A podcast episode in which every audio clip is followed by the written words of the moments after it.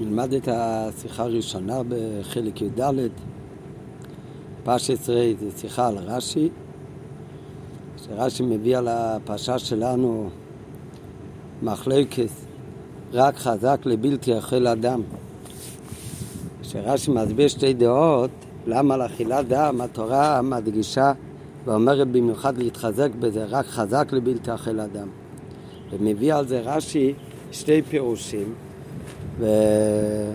ובהשקפה ראשונה נראה שהשתי פירושים זה לא סתם שתי פירושים, אלא זה שתי פירושים שהם אפילו ממש הופכים.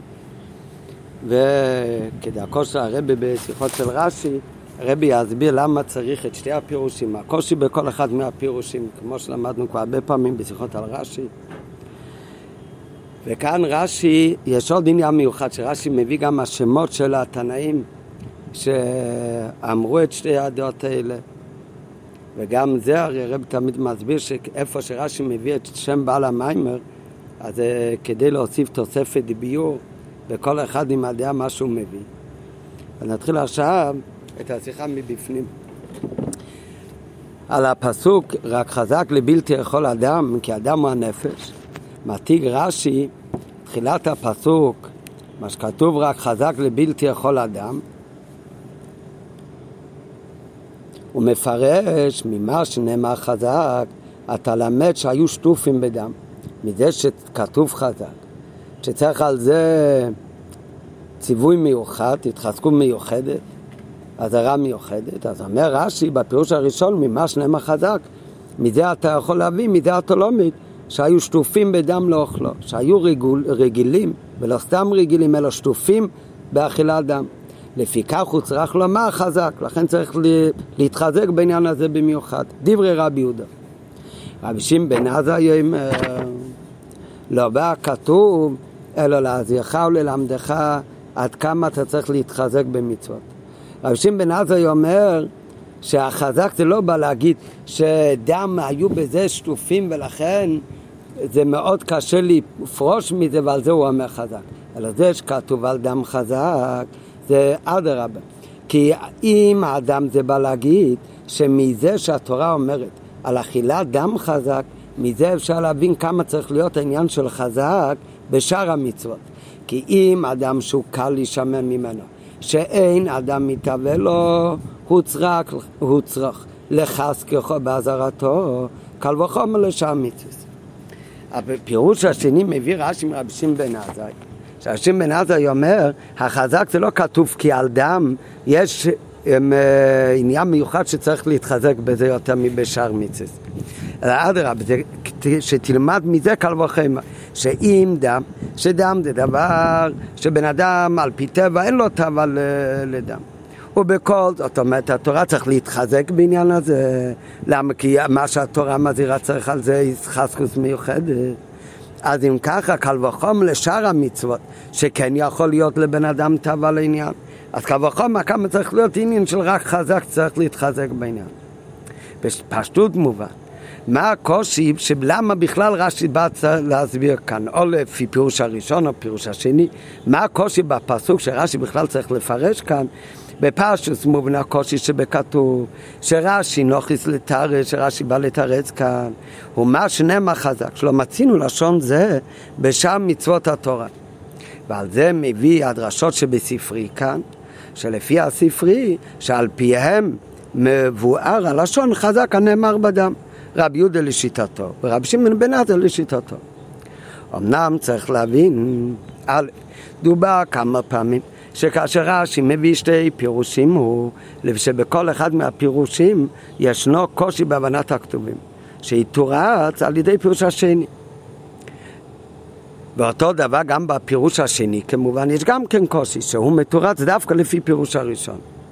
יש בזה מה שאין בזה מתוך שתי הפירושים, איזה יותר קרוב לפשוטו של מיקרו?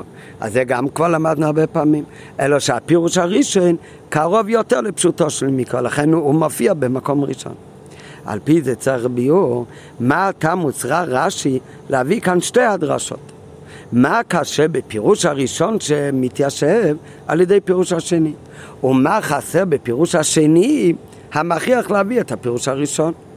לכאורה כדי לתרץ למה התורה אומרת כאן חזק, מספיק הפירוש של רבי יהודה לדוגמה, הפירוש הראשון, שהם היו שטופים בדם, ולכן על זה אומרת התורה חזק. ומזה אתה מבין שהם היו שטופים בדם באותו זמן. מה לא מספיק בפירוש הזה, שצריך להביא עוד פירוש, שהסיבה שכתוב חזק, כי על דם באמת לא היה טבע מיוחדת, אלא אדרבה, לדם בן אדם לא מתהווה. החזק זה בא להגיד, תלמד קל וחמר כמה צריך להתחזק בעניינים שיש טבע. ואם כבר יש קושי בפירוש הראשון, מה לא מובן בפירוש השני לחוץ שלכם צריך להביא פירוש ראשון. בכלל, במחלוקת זו של רבי ישוע, של רבי יהודה ורבי שמעון בן עזאי, בכלל המחלוקת הזאת, זה עכשיו קושי לאו דווקא לפי רש"י, אלא זה בעצם המחלוקת, זה לכאורה מחלוקת קצת תמוהה, כי זה מחלוקת שיוצא מחלוקת במציאות. ולא רק מחלוקת במציאות, אלא מן הקצה לקצה. לפי רבי יהודה יוצא שבני ישראל הם היו לא רק בטבע לדם, אלא היו שטופים בדם. זה היו כל כולם הם, הם, מונחים באכילת דם, שטוף באכילת דם. לעומת זאת, לפי פירוש השני, לכאורה לא רק שהוא לא שטוף באכילת דם, אלא זה דבר שבכלל בן אדם לא מתהווה לזה. בכלל מחלקת זו שרבי יהודה ורבי שמעון בן עזאי, בפרט על דרך הפשט קשה. זה הרי פלוגתא במציאס, זה מחלוק במציאס, איך שרואים את זה בפשטות, בהשקפה הראשונה. ולא סתם פלוגתא במציאות, אלא בהפך, מן הקצה לקצה. לרבי יהודה הוא צריך לומר חזק, לפי שהיו שטופים בדם לא אכלה. והיינו, שבזמן ההוא היו רגילים וביותר באכילת דם. לרבי שמעון בן עזאי, על דם עצמי, אין צריך חיזוק כלל. כי קל להישמר ממנו, שאין אדם מתהווה לו. ובאופן כזה היה גם בשעת הציווי, לכן הרי אומר רבי שמעון בן עזאי שהציווי חזק כאן הוא באמת שתלמד ממנו על שאר המצווה שלכן זרו בזמן ההוא רק חזק לבלתי אכל אדם. ג' בדברי רבי שמעון בן עזאי שבפירש רש"י הלשון הוא שאין אדם מתהווה לו. לכאורה כשמביאים רש"י מביא מהספרי את שיטת רבי יהודה ואת שיטת רבי שמעון, שלפשיטת רבי יהודה צריך התחזקות מיוחדת על אי אכילת דם. למה? כי באותו זמן הם היו שטופים באכילת דם. לעומת זאת לדעת רבי שמעון בן עזאי, אז להפך, על דם לא צריך כל כך התחזקות. זה שכתוב חזק לא לאכול דם, זה כדי ללמוד ממנו קל וחמר שבשאר מיציס גם צריך להתחזק. אז אם ככה, לכאורה היה יותר מתאים שהלשון של רבי יהודה ורבי שמעון יהיה באותו לשון, רק באופן הופכי. לדוגמה, שלפי רבי יהודה כתוב שהם היו שטופים באכילת דם, אז לדעת רבי שמעון שאין אדם שטוף באכילת דם. שזה יהיה לשון בדוגמה לשון של רבי יהודה שאומר שכן היו שופים בדם. יגיד רבי שמעון שאין עוד שוטוף בי. למה רש"י משנה את הלשון? או בספרי, נראה בהמשך שיש כמה גייסות אולי בספרי, אבל למה הלשון ברבי יהודה שהוא אומר, הוא לא אומר שהם היו מתהווים לדם, הוא אומר שהיו שטופים בדם. כשרבי שמעון אומר אחרת, לא מוזכר שהוא אומר שהם לא היו שטופים בדם, אלא אומר שאין עוד מסביב להם. ד' שאלה רביעית לקמנה על הפסוק למען ייטב לך אומר רש"י, פירש רש"י, צא ולמד בתנסחום של מיציס שבהמשך לאיסור אכיל אדם אומרת התורה למען ייטב לך אומר רש"י, מזה אפשר להבין כמה גדול שכרן של מיציס שאם אדם שנפשו של אדם קצה ממנו, אם על אי אכילת דם, שזה דבר שבכלל נפשו של בן אדם קוצו ממנו, זה מגעיל אותו, זה דוחה אותו. אז אומרת התורה, שאם הוא נזהר בזה, אז ייטב לו, אז קל וחומר, שכרן של כל המצוות, כמה הקדוש ברוך הוא נותן שכר. שכאן פתאום רואים לשון שלישית. בהתחלה בדברי רבי יהודה אומר שהם היו שטופים בדם. אחר כך רבי שמעון עזאי אומר שבן אדם לא מתהווה לדם. לא מתהווה לדם, זה עוד לא אומר שזה, הוא קצה מזה, קצה מזה, זה עוד לא אומר שהוא מגעיל אותו. אם זה מגעיל אותו לא צריך להגיד שהוא לא, אין לו טייבל לזה. אז רבי שמעון בן עזאי אומר שאין תאווה לדם. מגיע אחר כך רש"י ואומר שדם זה דבר שנפשו של אדם קוצר ממנו. שמלשון זה משמע שכן הוא בכל זמן. ורש"י אומר זה בלושן היבש, כתוב למעני תבלוך. אומר על זה רש"י, צא ולמד מהתנסחון של מצוות, שדם שנפשו של אדם קצה ממנו, שנפשו של אדם קצה מדם. לחיר זה לא כמה ולא כמה. כי לרבי יהוד, איך אפשר להגיד שדם זה בדבר שבן אדם מגיל אותו, שהוא קוצה ממנו? הרי לדעת רבי יהוד היו שטופים בדם. וההפך לגמרי מנפשי קוצה ממנו. אפילו רבי שמעון בן עזה זה גם לא מסתדר כי הרי רבי שמעון בן עזה אומר אין אדם מתהווה לו אם אומרים שהוא לא מתהווה לו סימן שהוא לא קצה מזה אבל לא שנפש שלו אדם קוצה ממנו. היי, hey, שאלה חמישית, מדובר כמה פעמים שאין רש"י מביא שם בעל המיימר ברוב הפירושים שרש"י מביא, הרי כל מה שרש"י מביא זה מדברי חז"ל וברוב המקרים רש"י לא מביא את בעל המיימר שאמר אותו עניין. ובאותם מקרים שרש"י כן מביא בעל המיימר, אז כי על ידי זה נתוסף ביור בטכנה הפירוש. על כל פונים לתלמיד ממולך. זה יכול להיות תוספת בפירוש שנוגע רק לתלמיד מאוד ממולך, שלכן רש"י לא אומר את התוספת ביור הזה במפורש, אלא ברמת על ידי שהוא אומר את השם של בעל המיימר. וצורך להבין מה נוסף בפירוש כאן על ידי שבעלי המים הם רבי יהודה ורבי שמעון בן עזאי ועוד דברי רבי שמעון בן עזאי מובאים בספרי גם בשם רם גמליאל אז גם אם רש"י לא רוצה להזכיר את שתיהם, רבי שמעון בן עזר ורם גמליאל, אז הבל אלה רש"י לומר רבי סיינו פירשו, וכיוצא בזה, ובאותו רגע זה יהיה כולל גם את רבי שמעון בן עזאי וגם את רם גמליאל. והיה נכלל בזה גם רם גמליאל. ובכל זאת רש"י לא מביא רם גמליאל, מביא דווקא את רבי שמעון בן עזאי. כפי שנראה בהמשך באביר שהרבי יסביר, שהתוספת הסביר של כל אחד מהדעות זה יהיה דווקא רבי יהודה לשיטתו, ותוספת ביור ברבי שמעון בן עזאי לשיטתו. ולכן באמת זה יהיה תירוץ למה רש"י דווקא מביא את רבי שמעון בן עזאי ולא מביא את רם גמליאל ואפילו לא כולל אותו ברבי סיינו אמור.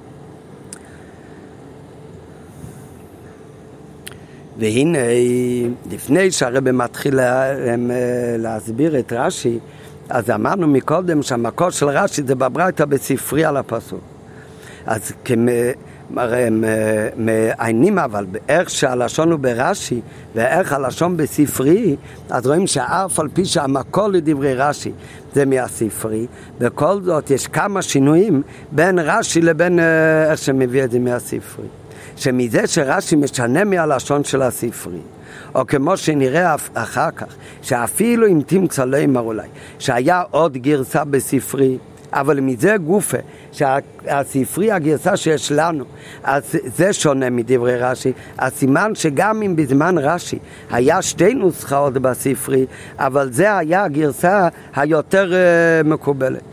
ובכל זאת רש"י משנה. מהספרי, או נוקט דווקא, כמו שנראה אחר כך, בגרסה אחרת שהייתה בספרי, שהייתה נפוצה פחות. אז זה גוף הוכחה שהשינויים האלה הם מדויקים, שמה שרש"י רוצה לתרץ כאן בפשוטי של מיקרו, אז זה דווקא מסתדר לפי אותו אופן שרש"י מצטט את הספרי, לא כמו הלשון כמו שיש לנו בספרי, אלא כמו שרש"י מביא. וכדי להבין את השינויים האלה, אז הרב מקודם נראה מבפנים את השינויים, מה שרש"י, חלק מדברי הספרי, רש"י משמיט מילים מסוימות של הספרי, מצד שני יש דברים מסוימים שרש"י מוסיף על מה שכתוב בספרי. ונראה אחר כך שזה מדויק ברש"י, שעל ידי זה מובן לא רק העניין למה כתוב כאן חזק, אלא עוד עניין שרש"י בא לתרץ כאן פשוט של מיקרו. והנה, כמובן קשור לעניין של חז"ל. והנה, כאמור, פירושו של רש"י מספרי. אמנם, רש"י משנה כאן מלושן הספרי, הן על ידי השמטה. דבר אחד הוא משמיט מהספרי, והן על ידי הוספה. א', מה רש"י משמיט מהספרי? כשבדברי רבי יהודה, שרש"י מביא, אומר הספרי, הרי רבי יהודה אומר למה כתוב חזק? כי הם היו שטופים בדם. אז בספרי כתוב שהיו שטופים בדם קודם מתן תורה. הספרי יש שלוש מילים קודם מתן תורה, שהמילים האלה רש"י לא מצטט מהספרי. או שרש"י הולך לפי גרסה שזה לא קיים בספרי. בספרי איתה בדברי רבי יהודה שהיו שטופים בדם קדם מתן תורה. ואילו רש"י מעתיק רק שטופים בדם. והרי זה השמטה שפירושה זה לא סתם חסר כאן איזה שתי מילים, אלא זה הפך מהספרי. לפי הספרי יוצא שבאמת בני ישראל הם פעם היו שטופים בדם, לפני מתן תורה, ממתן תורה והלאה בני ישראל כבר לא היו שטופים בדם. כשרש"י משמיט את המילים קודם מתן תורה הפסוק שלנו הוא כתוב בחומיש דבורים, בפרשת ראי, שמשה רבנו מדבר לבני ישראל בסוף ארבעים שונו במדבר. זה שלושים ותשע שנה אחרי מתנתרא. אז רש"י משמיט את המילים קודם מתנתרא. הכוונה שהם היו שטופים בדם עכשיו. וזה הפך דברי הספרי, כי הרי הפסוק הזה נאמר ל"ט שנה, 39 שנה אחרי מתנתרא. ועל זה פירש רש"י, שצריך לומר לשומעים חזק. אומר רש"י, שרבי יהודה אומר, למה כתוב בפסוק שלנו חזק? שמש רבנו מדבר לבני ישראל, מפני שהיו שטופים בדם, סימן מי היה שטוף בדם. הם אותו דור. ואדרבה, ובאמת זה מובן למה רש"י משמיט את המילים האלה מהספרי. ואם היה רש"י מפרש בפשוטו של מקרא ובמילא מעתיק בדברי רבי יהודה, גם התיבות קודם, התנתרים רוצים להגיד בפשוטו של מיקרו, שהחזק צריך להתחזק אם היו שטופים בדם. אבל מתי הם היו שטופים בדם? רק לפני מתן תורה. אז יוצא שאין רבי יהודה, אז, אז, אין פלוגתא בין רבי יהודה ורבי שמעון בן עזה במציאס. אם רש"י היה באמת משאיר את המילים כמו שהם כתובים בספרי, אז באמת זה היה מתרץ את השאלה הראשונה, את השאלה השנייה ששאלנו בתחילת השיחה, שלכאורה רבי יהודה ורבי שמעון בן עזאי זה מחלוקת במצית ומן הקוצר לקוצלם, כי בפשוט היינו יכולים לתרץ פשוט מאוד, שלפי רבי יהודה מה שהוא אומר היו שטופים בדם, ועל זה כתוב חזק, זה מתי אבל היו שטופים בדם? זה היה קודם מתנתרת. מה שרבי שמעון עזאי אומר, שאין אדם מתהווה לדם, מתי אין אדם מתהווה לדם? זה עכשיו באמת. אחרי מתנתרא, שכבר לא היו שטופים בדם, ברגע שלא היו שטופים בדם, אז אחרי מתנתרא כבר גם לא מתהווים לדם. לעומת זאת רש"י, שהוא משמיט את המילים קודם מתנתרא, אז יוצא שרבי יהודה ורבי שמעון בן עדה מדברים על אותו תקופה, על אותו זמן. באותו זמן, גם עכשיו, הוא הרי לא אומר קודם מתנתרא, אותו זמן עכשיו אומר רבי יהודה שהם היו שטופים בדם, ורבי שמעון בן עדה אומר שאין אדם מתהווה לדם.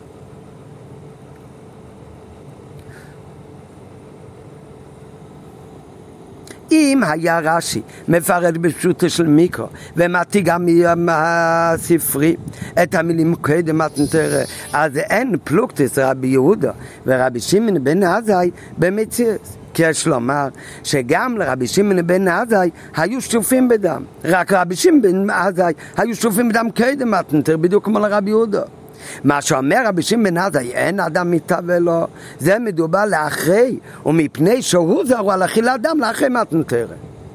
ובכל זאת רש, אז זה היה הרי עדיף לנו להשאיר את הגרסה כמו שכתוב בספרי, כדמת נתרם.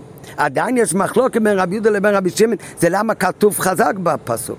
לרבי יהודה כתוב חזק כי היו שטופים לפני מתנתרא, לרבי שמעון בן עזה כתוב חזק כדי ללמוד ממנו עכשיו שקל וחמא כמה צריך להתחזק בשאר מצווה שאם במוקרים שאין אדם מתהווה התורה אומרת חזק, קל וחומר למה שיכול להיות טבע.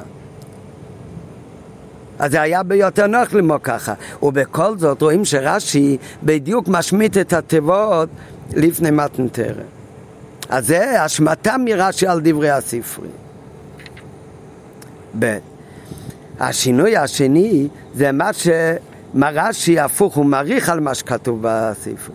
רש"י מעריך בדברי רבי יהודה. הוא אומר ממה שנאמר חזק אתה למד, שהיו שטופים מדם. לפיכך הוא צריך לומר חזק. ואילו בספרי הוא אומר בלשון קצרה, מגיד שהיו שטופים וכולי. בספרי רק כתוב, מגיד שהיו שטופים לפני מתן תורה. לא אומר, לפי כוחו צריך להם החזק.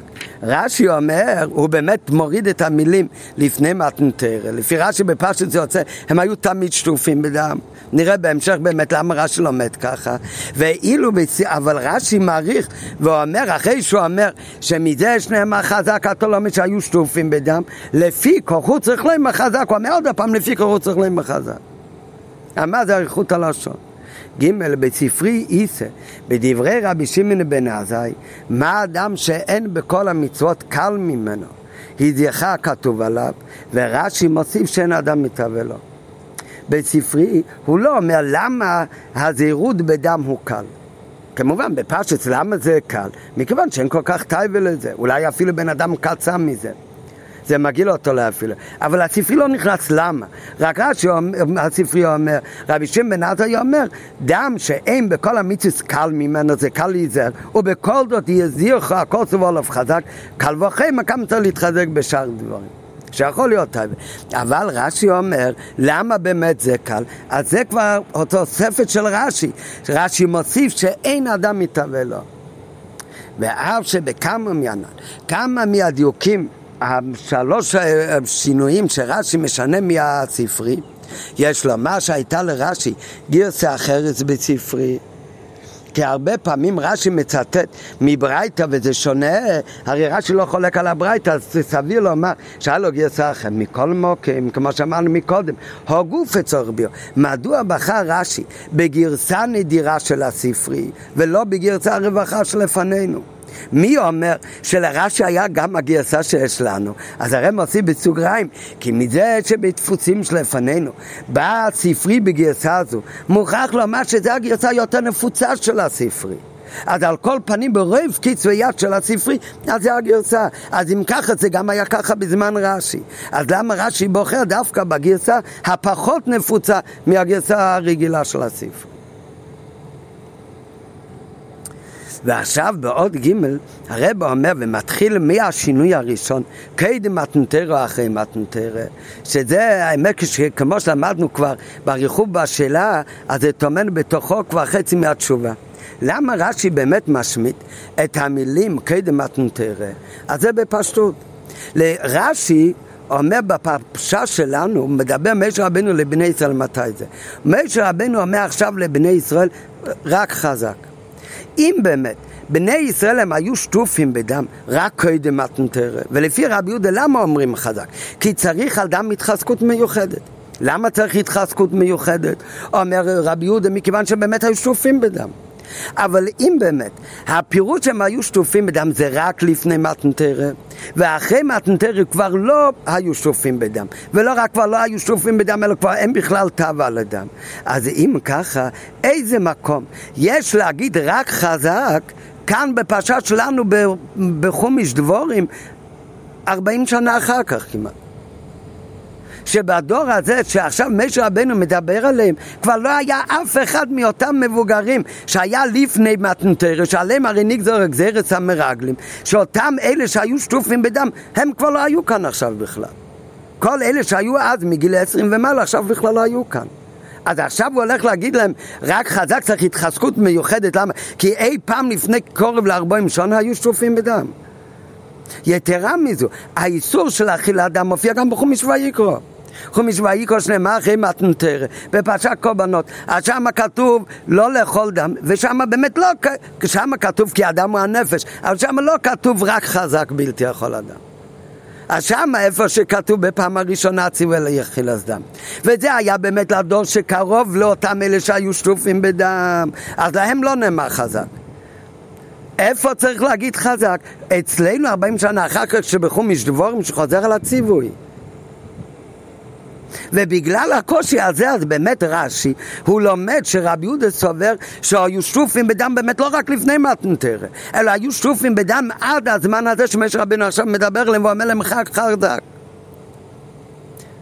אי בספרי כתוב קדם מתנתרא, אז, אז רש"י הולך לפי הנוסח של הספרי, שבאמת לשיטת רבי יהודה לא כתוב קדם מתנתרא, אלא רבי יהודה אומר היו שטופים בדם בכלל. ולכן בפשוטי של מיקרו באמת לא מסתבר לו מה שהחזק הוא קשור לזמן שהיה לפני מתנתרא.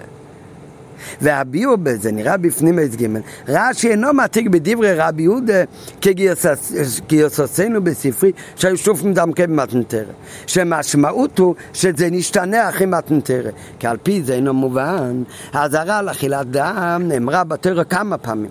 ואם נאמר שהיו שופים בדם רק קודם מתנתורה, שבפשוט הוא לפ... למה באמת קודם היו שופים בדם? כי ככה הם היו שופים בדם במצרים, משם הם עוד הביאו את זה. אז אם ככה וללומר חזק שהוא זרוע לחילתו בפעם הראשונה, היינו בסמיכות לאחר מתנתר, מיד אחר מתנתר, קרוב לאותו זמן שהם היו שטופים בדם. מדוע נצטוו להתחזק שלו לכל דם? באלה הדבורים שנאמרו בסוף שנת 40 לאחרי צאצא ממצרים, וכבר מת כל הדור ההוא שהיה בכלל שטוף בדם, ולא נאמר חזק בעזרה לחילת דם שבחומש ויקרא.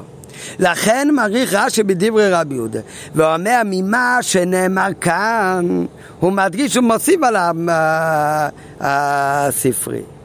ממה שנאמר כאן חזק, מזה אתה לומד שהיו שטופים בדם לא אוכלי.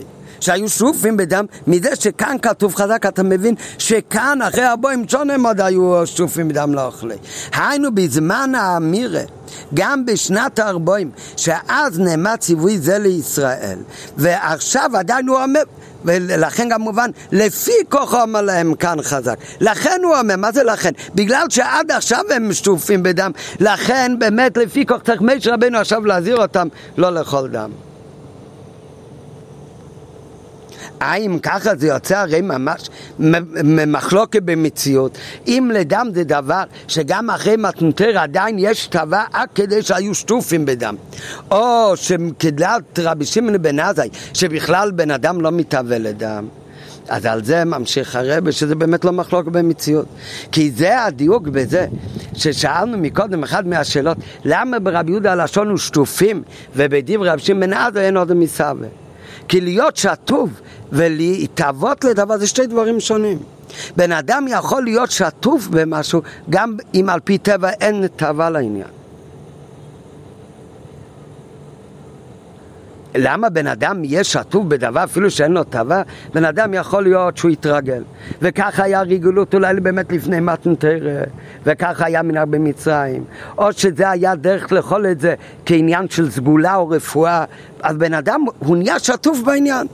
אף על פי שהדבר כשלעצמי זה לא דבר שמצד הלב שלו יש לו תאווה ומשיכה לזה אבל על ידי הרגילות, מאיזה סיבה שהיה לו רגילות לעניין אז הרגילות גורם שהוא נהיה שטוף בזה.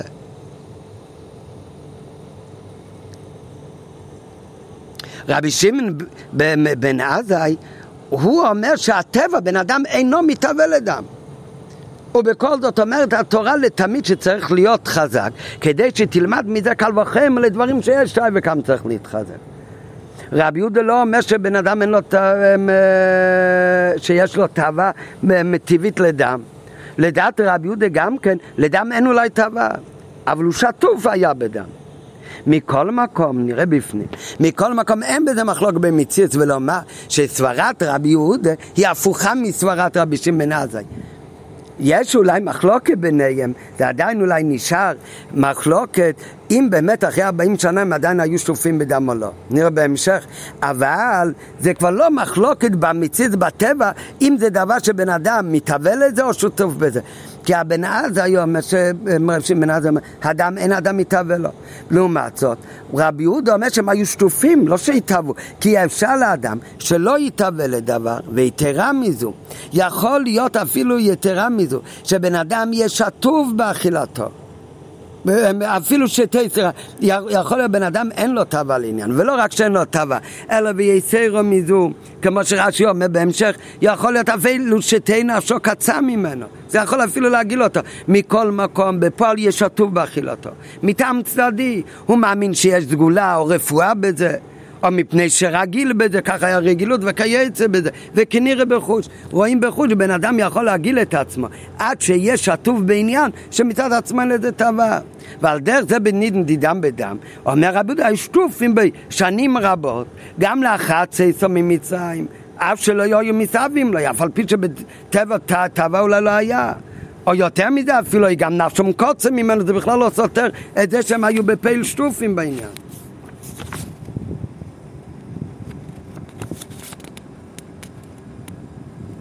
רק מה, אמנם אין די בטעם זה למה שנאמר דווקא כאן חזק בדם.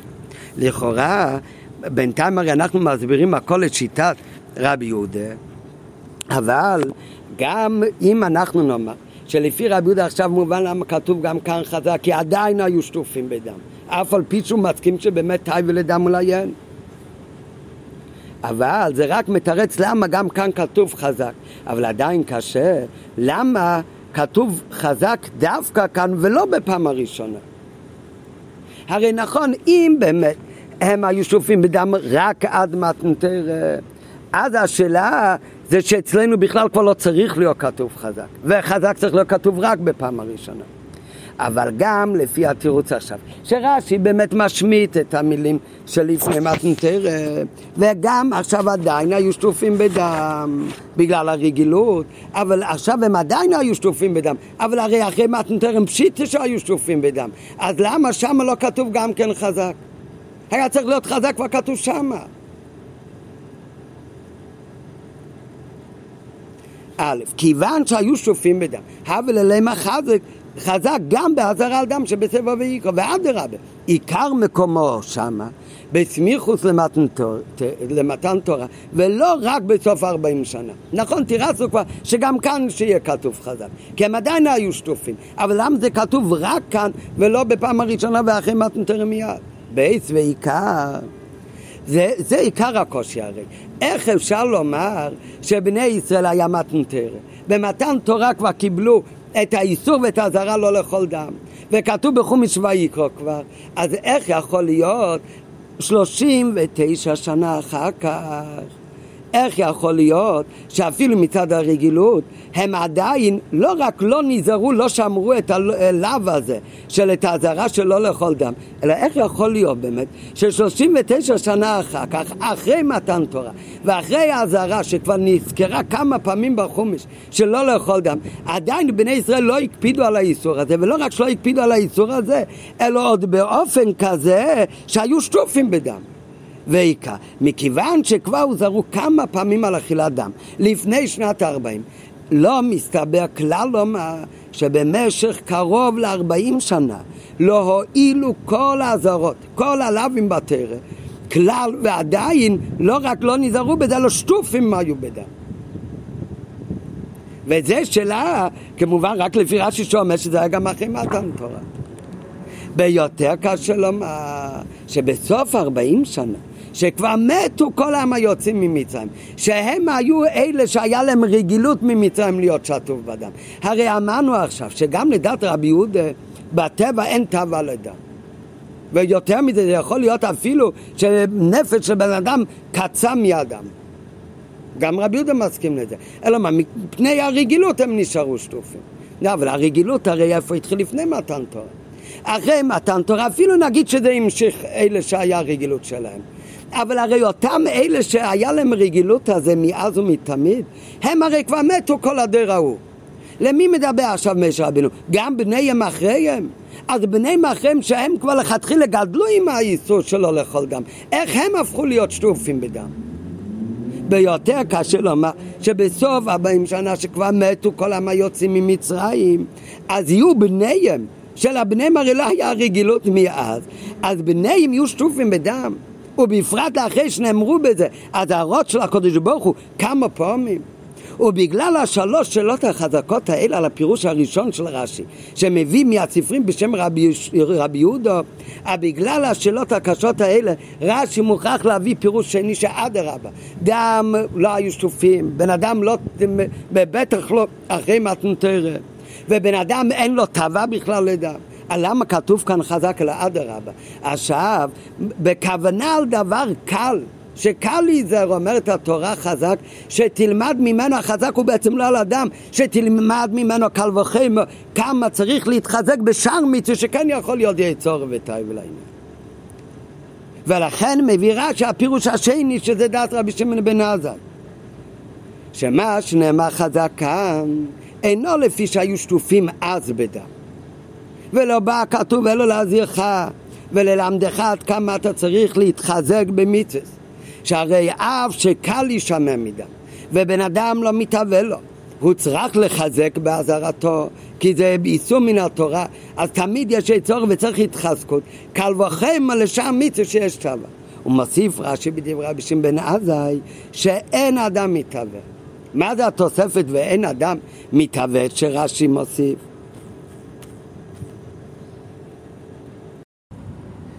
ומה הטעם שרש"י מוסיף? שאין עוד מסב אלוהי, שכמו שראינו מקודם בספרי, כתוב רק שדם זה קל להיזוהר ממנו. למה רש"י מוסיף שאין עוד מסב אלוהי? אז על זה אומר הרב א', מכיוון שזה קל לשמוע ממנו, ולפי שאין עוד מסב אלוהי. היינו שזהו דובר שבטבע האדם מובן שכן היה גם בזמן שבין נאמר הציווי. מכיוון שזה דבר טבעי שבן אדם לא מתהווה לדם, לכן באמת זה דבר שלא משתנה באיזה זמן זה נאמר. ולכן כבר בזמן הציווי, אז באמת היה שאין עוד מסב אלוהי. מצד שני, רבי, הוא לא מביא רבי שמעון בן עזאי, רבי שמעון בן עזאי לא אומר שנפשי של אדם קוצם ממנו, אלא אומר רק שאינו מסווה. כי הרי אף על פי שאמרנו מקודם, שזה בכל מקרה לא סתירה במציאס. כי יכול להיות דבר שבן אדם אין לו תאווה והוא יהיה שטוף בזה. אותו דבר יכול להיות גם שדבר שמגעיל את הבן אדם והוא יהיה שטוף בזה. אבל עדיין, הרי סוף כל סוף לא רוצים לעשות את הדעות בין רבי יהודה לבין רבי שמעון, רבי שמעון בן עזאי, רחוקים מן הכותל לכותל יותר קרוב. ולכן לא, שלא נאמר קל להישמר מדם לפי שנפשי שלא אדם קוצם ממנו, שגם זה דבר יכול להיות תלוי בטבע. גם זה הרי תלוי בטבע. אבל זה לא, הוא לא אומר למה. כי אף שאין זה הפך מן הדעה שהיו שטופים בדם כנעל. כי אף על פי שזה לא לגמרי הפך מהדעה שרבי יהודה אומר שהם היו שטופים, כמו שאמרנו מקודם, שיכול להיות שטוף בדבר שאין לטבע גם כן. אבל מכל מוקים תהיינה הדעה של רבי יהודה ורבי שמעון בן עזאי רחוקות יותר זו מזו. עדיין כל אחד מבין שהרבה יותר רחוק המרחק בין להגיד שהוא שטוף בדם לבין שמגעיל אותו דם לבין להגיד שהוא שטוף בדם ואין לו טייבה בדם. ועוד ועיקר, והעיקר הרי זה ההפך המוחש. דבר שאין אדם מתהווה לו וגם מזהירים אותו על זה כמה פעמים, בוודאי שקל לו להישמר ממנו.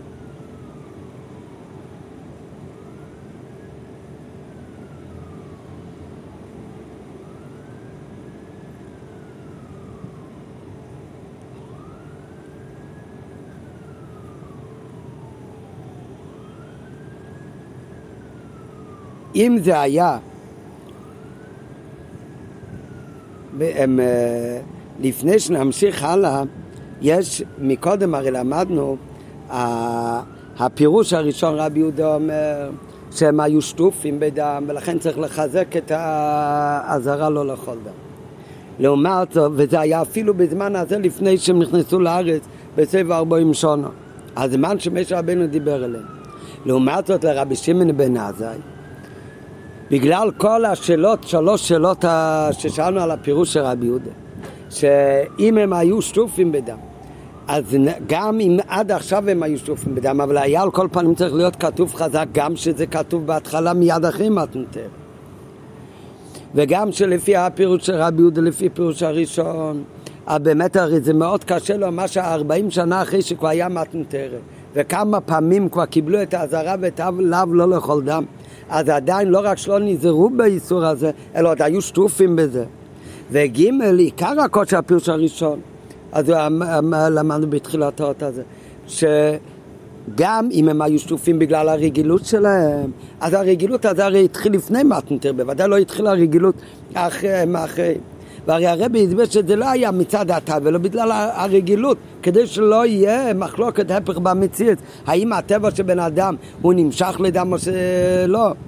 אלא מה, זה, הרבי הסביר שגם לפי שיטת רבי, רבי יהודה, הוא לא אומר שהוא מתהווה לדם, אלא הוא אומר סך הכל שהם היו שטופים בדם, זה יכול להיות גם מצד הרגילות, שכך הם התרגלו לעניין. למה התרגלו לעניין? חשוב שזה דבר בריא, וכייצא בזה.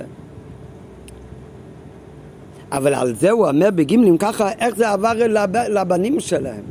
אז הרי אחרי המתנתר, הבנים האלה שנולדו אחר כך, הם בוודאי כבר לא היו אמורים להיות שטופים בדם. ועל זה מביא הרבה בהערה 20, שאבן עזר וקליוקו אומר שטבע האב יכול להימשך גם לבנים שלו. אז אומר הרבה, אבל זה שטבע האב נמשך לבנים שלו, זה רק אם זה היה דבר מצד הטבע שאם לשיטת רבי יהודה היינו אומרים שבאמת יש תאווה גדולה לאדם. אבל ברגע שאמרנו שהרי גם לשיטת רבי יהודה הרבי הסביר שהם היו שטופים בדם, זה לא כי בטבע שלהם היה להם משיכה לדם, אלא זה רק מצד הרגילה שלהם. אבל גם רבי יהודה מסכים שאין נפש של אדם מתאווה לדם, אלא מצד הרגילות הם היו שטופים. אם זה דבר של רגילות, אז כזה דבר הוא הרי לא עובר לבניהם אחריהם. אז זה מה שרבי אומר בהערה.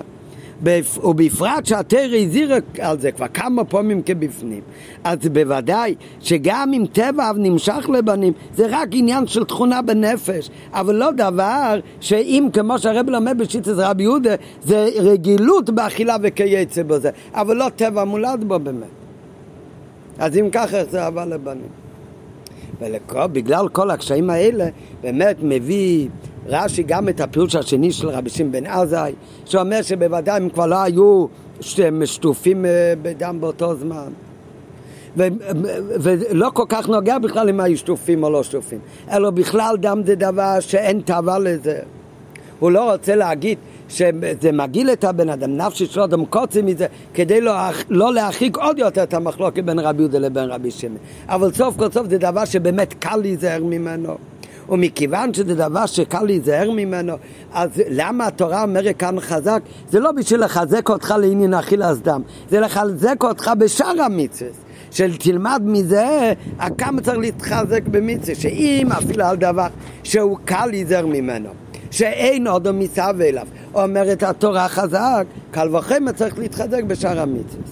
נו, אבל אם הפירוש של רבי שמעון בן עזאי הוא כל כך יותר טוב, אז למה צריך בכלל את הפירוש הראשון? ויתרה מזו, מזה שהוא נעמד, הוא הפירוש השני רק, אז משמע שהוא יותר רחוק מפשוטי של מיקרו, מהפירוש של רבי יהודה, עם כל הקשיים על הפירוש של רבי יהודה. ועל זה ממשיך הרבי בעוד ד', שאומנם אין רש"י מסתפק בפירוש זה לבד, ועוד זאת, הוא מביאו רק כפירוש השני, גם בנכונות הפירוש, כי מכיוון שסוף כל סוף נאמר חזק גבי דם, קשה לו משהו רק בכדי ללמדך להתחזק בשאר מצווה. ומסתבר יותר שגם איסו דם בעצמי צורך חיזוק. הרי הרבה פעמים כל אמר רש"י בא לפרש פשוטי של מיקרו. כאן גם בברי, בספרי כתוב קודם רבי יהודה ואחר רבי שם, בפשוטו של מיקרו. אם לומדים פסוק שכתוב בפסוק, רק חזק בלתי אכל אדם. אז על מה ההתחזקות מיוחדת כאן? צריך התחזקות מיוחדת על אכילת דם, או שנגיד הפוך. אכילת דם לאו דווקא צריך בכלל התחזקות מיוחדת. כתוב כאן להתחזק כדי שתלמד קל וחיים, כמה צריך להתחזק בשעה מצווה. הרי פשוט יש מגבה יותר מובן לומר שאם התורה אומר רק חזק בלתי אכיל אדם, שעל אכיל דם צריך חיזוק מיוחד. וזה פשוט של מיקרו, ולכן זה הפירוש הראשון שמביא רבי יהודה. אם התורה אומרת חזק על אדם, אז סימן שהם היו שטופים בדם צריך על זה חיזוק מיוחד. והעניין הזה שאם כתוב חזק בדם, אז זה מתייחס לאדם והוא צריך חיזוק מיוחד, אז זה הרבה יותר קרוב לפשוט השמיקרו ולכן הפירוש של רבי יהודה עם כל הקשיים שלו הוא הפירוש הראשון והעיקרי. רק בגלל שבכל זאת, איך אפשר לומר שעדיין היו שטופים בדם הרבה שנה אחר כך? ובגלל כל השאלות האלה, אז מביא רש"י במקום שני גם פירוש של רבי שמעון בן עזאי, שלפי פירושו השאלות האלה באמת הם לא קיימים, אבל לפי פירושו יש כאן קושי הרבה יותר חזק, שכתוב חזק בדם, והחיזוק באמת לא בא ללמד על דם, אלא בשאר מצווה. למה באמת? יותר פשוטו, בנוסף לזה, שכפשוט של מיקרו כתב חזק בלתי אכל אדם, אז סימן שדם צריך חיזוק, ולא שזה בא ללמד על שאר מצווה. אז הרב מוסיף שזה גם ככה משמע מכל המשך הפרשה. למה? כי פרשה זו באה להתיר בשר טבע, שהיו אסורים בו עד עתה. וכמו שנאמר כי תאווה נפשך לאכול בשר, וכל אבס נפשך, נפשך תאכל בשר. עד עכשיו, כשרצו לאכול בשר היו צריכים להקריב קודם שלומים, והיה מותר ליהודי לאכול מהבשר. אבל בן אדם סתם יש לו תאווה לאכול בשר וישחוט סתם בשר, זה היה אסור.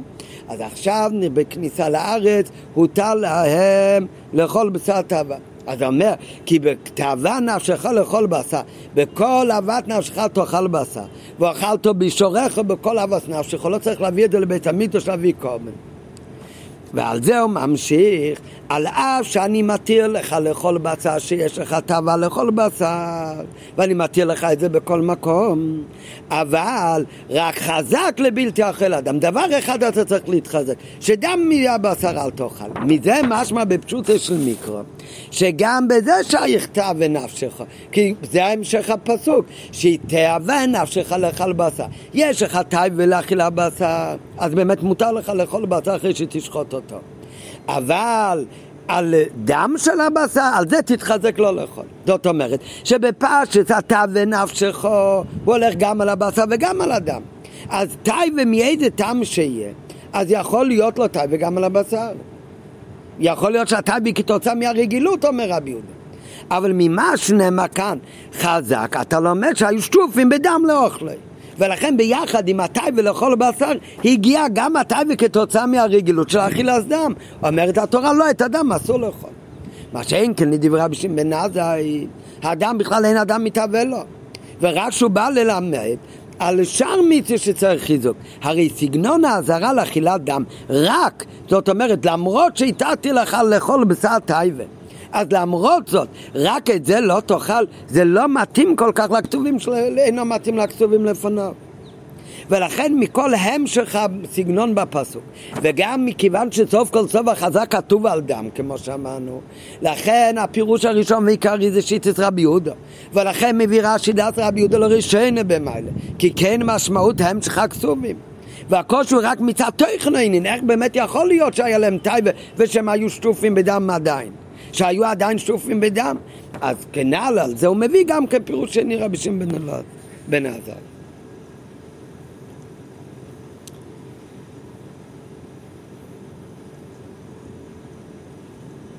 אמנם עדיין יש מוקם לתלמיד ממולח לעיין. הרי סוף כל סוף הקושי של, שיש בדברי רבי יהודה, גם רבי יהודה מודע לזה. גם רבי יהודה מודע בקושי לומר שהבאים שנה אחרי מתנתר עדיין בני ישראל היו שטופים בדם. אותו דבר, רבי שמעון בן עזאי, גם הוא יודע את הקושי בפירוש שלו להגיד שהתורה אומרת להתחזק, לא לאכול דם, אבל בעצם החיזוק לא צריך בשביל דם, אלא שממנו תלמד חיזוק לשם מצווה. ובפרט שהקושי הזה הוא גם מצד המשך הפסוקים, כמו שאמרנו הרגע. שהם שחפשו כמו עמק, שתא ונפש חולך לבוסו, רק חזק בלתי אכל אדם, רק בפרט אחד אתה צריך להתחזק, שאפילו שבצד תאכל את אדם אל תאכל. אז הרי גם רבי שמעון עזאי היה מודע לקושי של רבי יהודה, ורבי יהודה מודע גם, רבי שמעון עזאי מודע גם לקושי בפירוש שלו.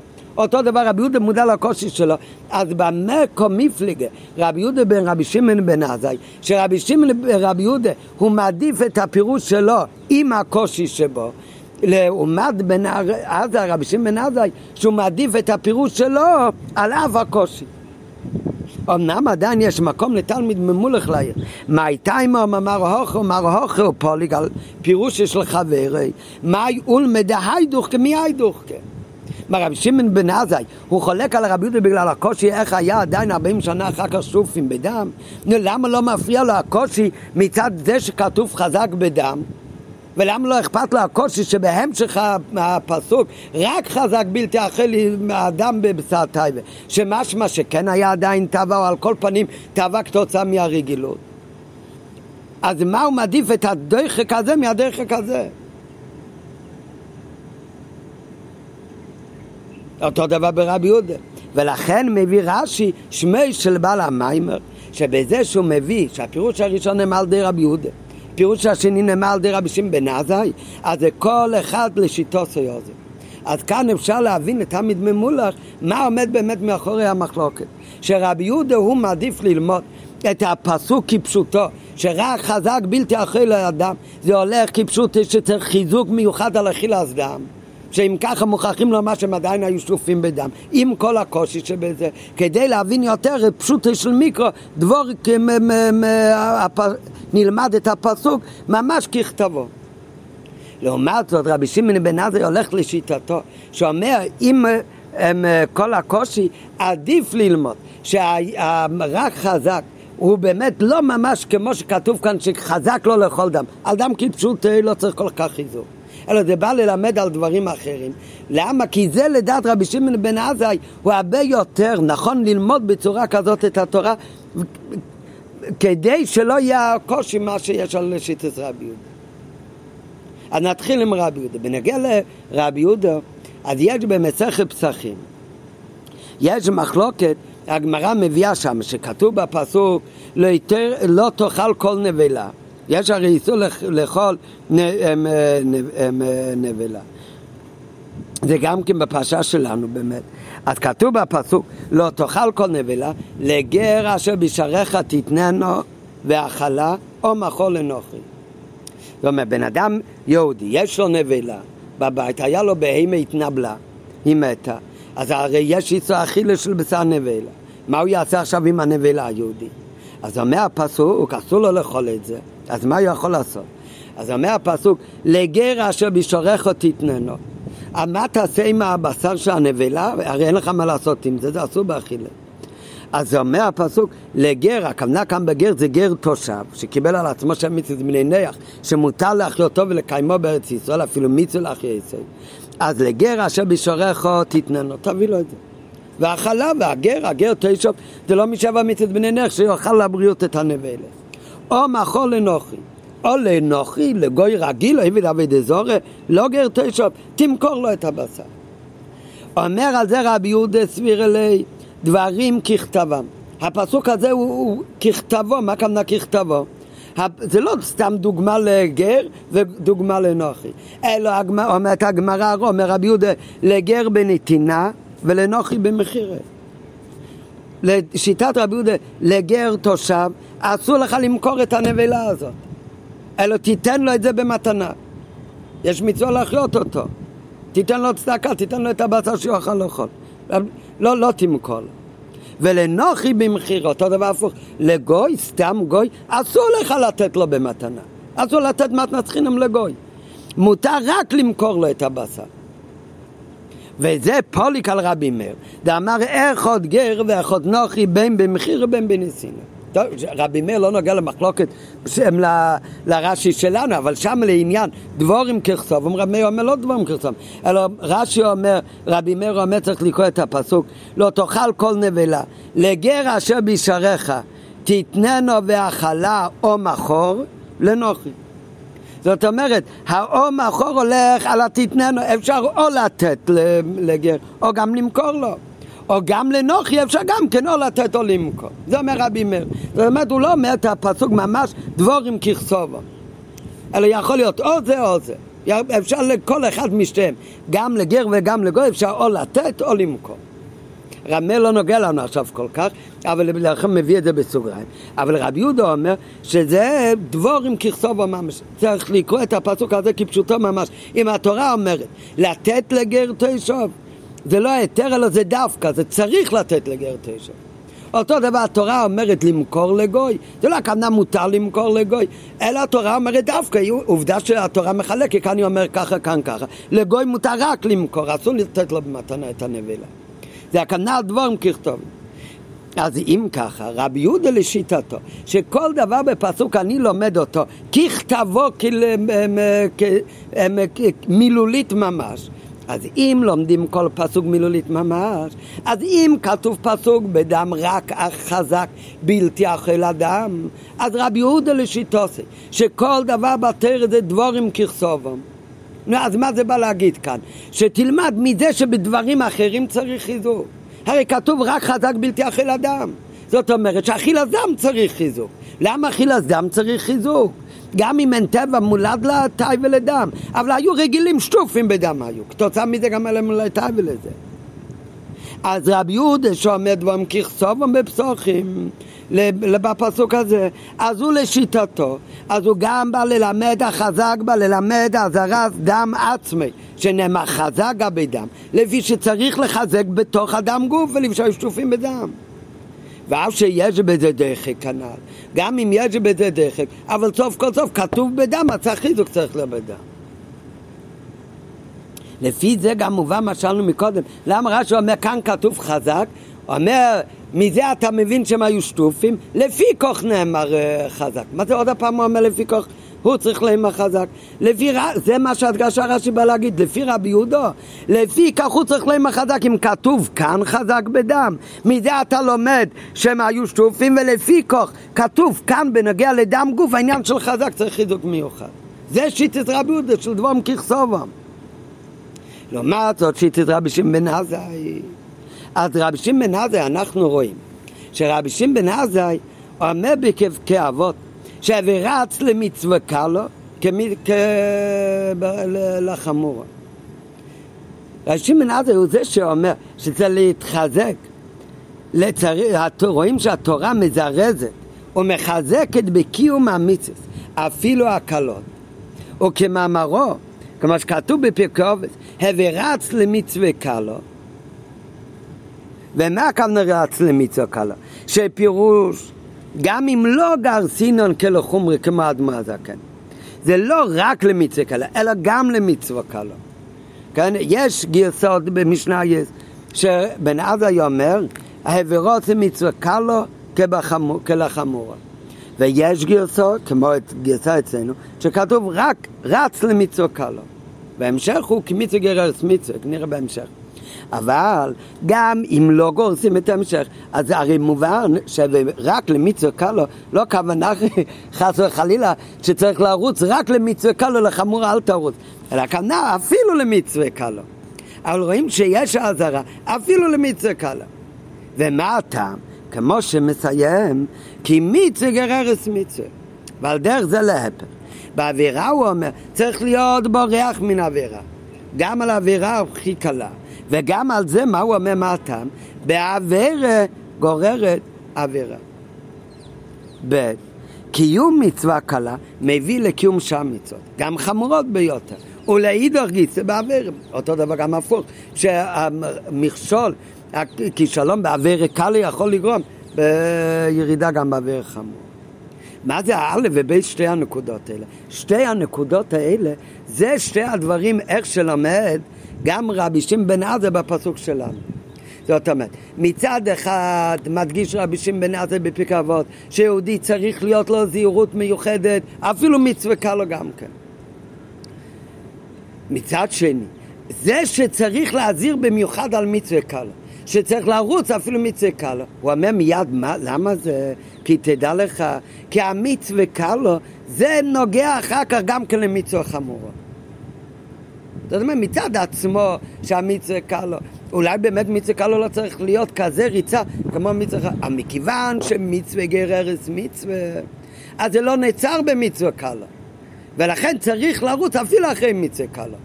ואפילו על זה צריך להזהיר, רוץ למצווה קלו, למה באמת?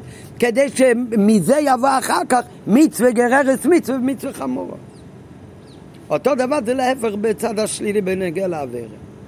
אותו דבר, מאוד יפה יוצא עכשיו, גם איך לומד רבי שמעון בן עזאי את הפסוק כאן. רק חזק בלתי אכל אדם, אפילו בנגיע למצווה קלו. שדבר שבכלל בן אדם לא מתהווה, גם זה צריך לרוץ למצווה הזאת. זה עבירה, גם מזה צריך לברוח. ובריח מן עבירה, אפילו מזה. אומרת התורה על זה, על זה צריך גם כן לברוח, על זה גם אומרים חזק. למה אומרים גם על זה חזק? שאתה תלמד מזה שאם מצווה קל לו ככה, קל וחי מלאכת כמה וכמה כמה צריך להיזהר ולהתחזק במצווה חמורה. למה? כי עבירה גרר סברה. ולכן אפילו אברה גרס אברה, אז אפילו במצווה קלו, שאין עוד מסבל, זה אי אכילס דם, אומרת התורה חזק. למה היא אומרת על זה חזק? היא אומרת על זה חזק כדי להתחזק באמת בעבירה חמורו. ולשיטתו גם כאן ביסודם רואים את שני העניינים. א', גם בציווי שהוא קל להיזהר ממנו, צריך להיות חזק באזהרתו. הוא אומר במפורש חזק אפילו על דבר קל. איי, לפי רבי יהודה, מה הוא אומר חזק על אה, דבר קל? הרי זה נפשי של אדם קוצו. אלא מה אומר רבי יהודה? הם היו שטופים בדם. אבל רבי שמעון בן עטר אומר לו מה פתאום, הם לא, לא היו שטופים בדם. ולפי רבי שמעון בן אה, סליחה, רבי שמעון בן עזאי, הם, זה דבר שבכלל לא מתהווה, אז למה כתוב חזק? כי גם על דבר שאין תהווה ולא צריך, גם על זה אומרים לך חזק באזהרתו. בדיוק כמו שאומר, תרוץ גם אחרי מקצוע קלה. שבמצווה מה שאימו רוץ למצווה גם קלו, בלא יסעשה, שזה יותר מתאים לכאן באמת, הוא בכל עבר ובריח מן עבר, אז גם על זה צריך להגיד חזק. אבל למה באמת? ב' כל העניין שהוא אומר חזק אפילו על דבר שהוא קל, הוא להזהירך ללמדך עד כמה אתה צריך להתחזק במצווה, קל וחמא לשאר מצווה. כי הנמה כאן הוא חיזוק, באמת, דבר ראשון צריך לחזק גם דבר קל, אבל החיזוק בדבר קל הוא חיזוק גם לשאר מצווה. דוגמת מה שהוא אומר, רץ למצווה קל לו כמצווה גוררס מצווה. תקיים גם שם מצווה וברך מן עבר, על ידי זה תהיה רחוק גם משאר עבר. אז רואים מכאן שרבי יהודה, שהוא אומר שהם היו שטופים בדם ולכן כאן בדווקא צריך חיזוק. לבין ודבורים ככסובם, לבין רבי שמעון בן עזאי, שאומר שהחזק כאן זה בעיקר, הוא מחזק אותך גם בדבר קל, אבל שמזה תלמד כמה צריך להתחזק בדבר חמור יותר, אז זה בעצם לשיטו סום רבי יהודו ורבי שמעון עזאי. רבי יהודו לשיטו זה שדבורים ככסובם. ולכן לא צריך לערב כאן שאר מצוות, אלא זה חידוק בעיקר בדם, זה היה הכי קשה, היו שטופים בדם. רבי שמעון בן עזאי הולך לשיטוסי בלימוד שלו, כמו בפרקו, שאפילו על דבר קל אומרים חזק, ואומרים חזק גם על דבר קל, כדי שמזה תלמד כמה להיזהר בדוב החומו יותר. שמצווה גררס מצווה ועבר גררס עבר.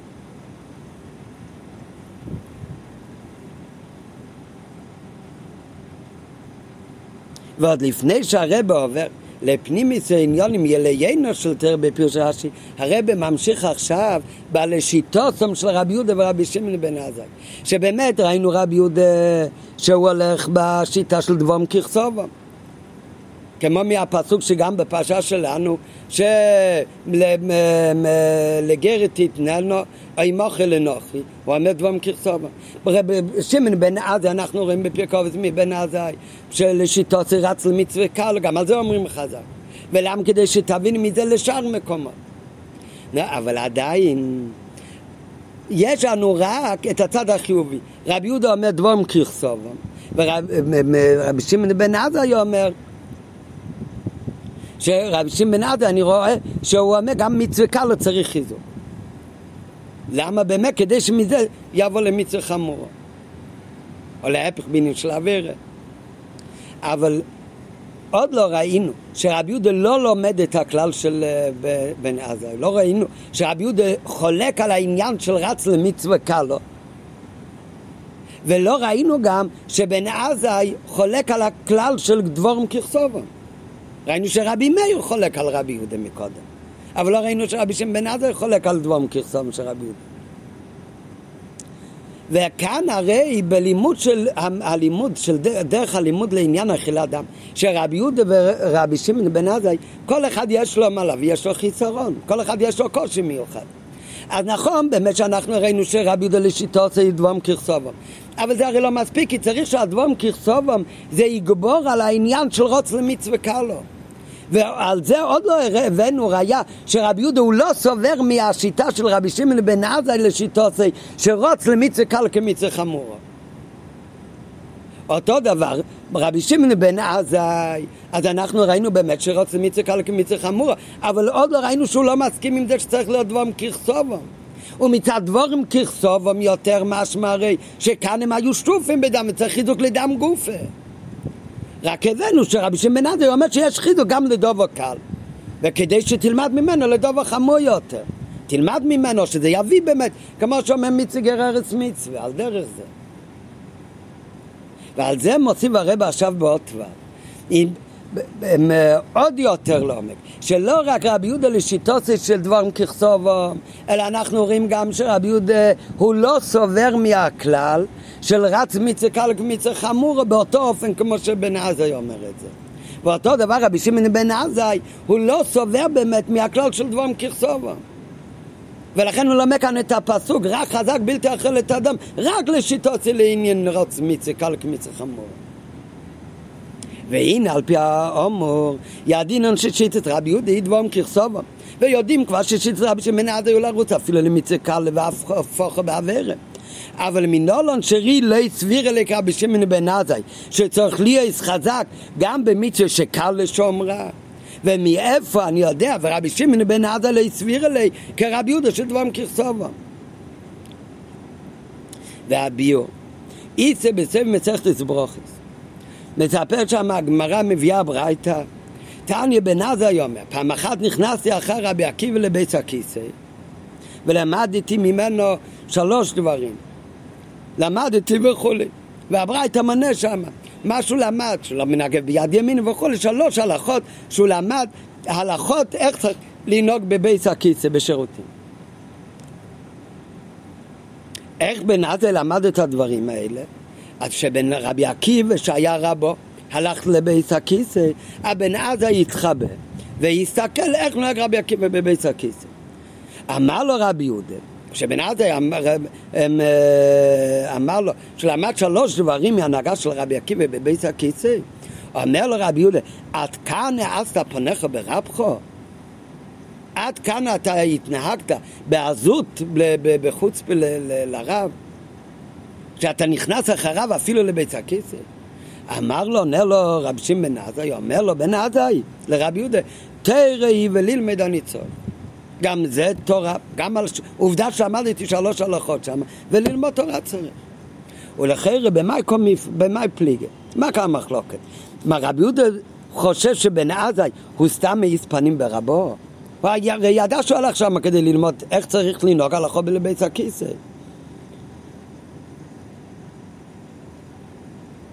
ואם זה לא מיד דרך ארץ, אפילו בשביל ללמוד הלכות. גם בן יודע שאולי שזה פחות דרך ארץ מללמוד אצלו בבית הכנסת. אבל מייקום מפלגת. ויש לומר שרבי יהודה סובה, דאף שתורה היא וצריך ללומדה. מה שבן עזה ענה לו, שגם זה תורה היא וצריך ללמד אני צריך. בוודאי גם רבי יהודה ידע מזה. אבל הרי כרגיל בלימוד התורה, עליו לשאול הלכה בבית המדרש. אתה צריך בשביל זה להתחבות בשירותים לראות הלכת בית הכיסא. הוא ישאל בבית המדרש, ילמד קיצור שולחנוך, יש שם הלכת בית הכיסא וידע איך לנהוג. וזהו שאמר לרבי שמעון בן עזאי, עד כאן העזת פניך במקום שלה בבית המדרש? זה מה שהיית צריך לעשות כדי לדעת את ההלכות האלה, להתנהג באופן של עזות לרב שלך, במקום שתשאל בבית המדרש איך צריך לנהוג? תשאל את רבי עקיבא בבית המדרש. לעומת זאת, למה באמת רבי שמעון בן עזה יצא ככה? רבי שמעון בן עזה אומר, מצווה קל צריך לרוץ כמו אחרי מצווה חמורה. אם צריך לרוץ אחרי מצווה קל כמו אחרי מצווה חמורה, כשמגיע מצווה חמורה, מהו הדרך הכי טובה שאפשר לדעת את ההלכה הזאת? כששואלים ולומדים בבית המדרש, או שרואים מה יעשה רב, איך שהרב נוהג בפלא ממש.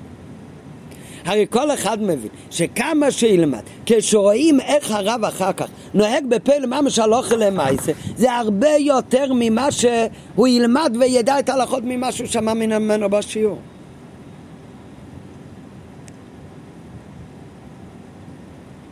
ולכן, בן עזאי שאצלו צריך לרוץ אחרי מיצה קל כמו אחרי מיצה חמורו.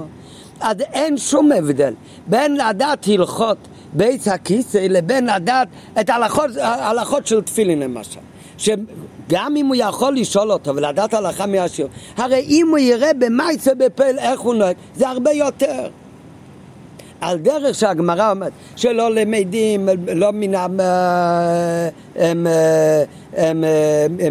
מן הגדה, מן אגדת ולא לומדים אפילו מן ההלכה עד שיאמר הלכה למעשה.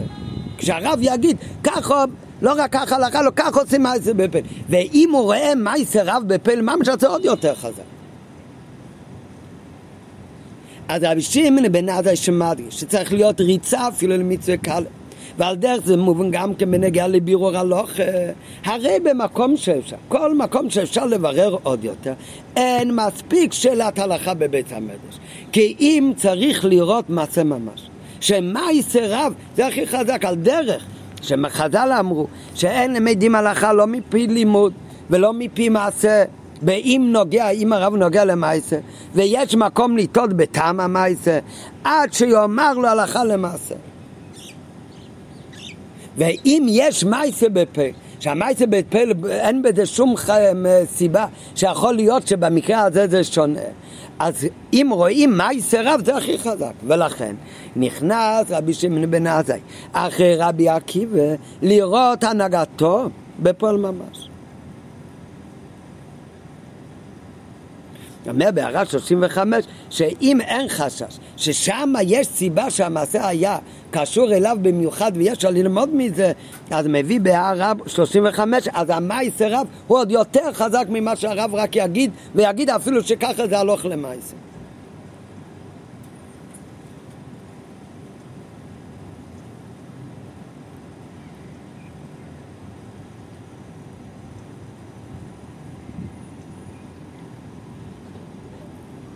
ולכן נכנס אחרי רבי עקיבא לראות הנהגתו בפעל ממש.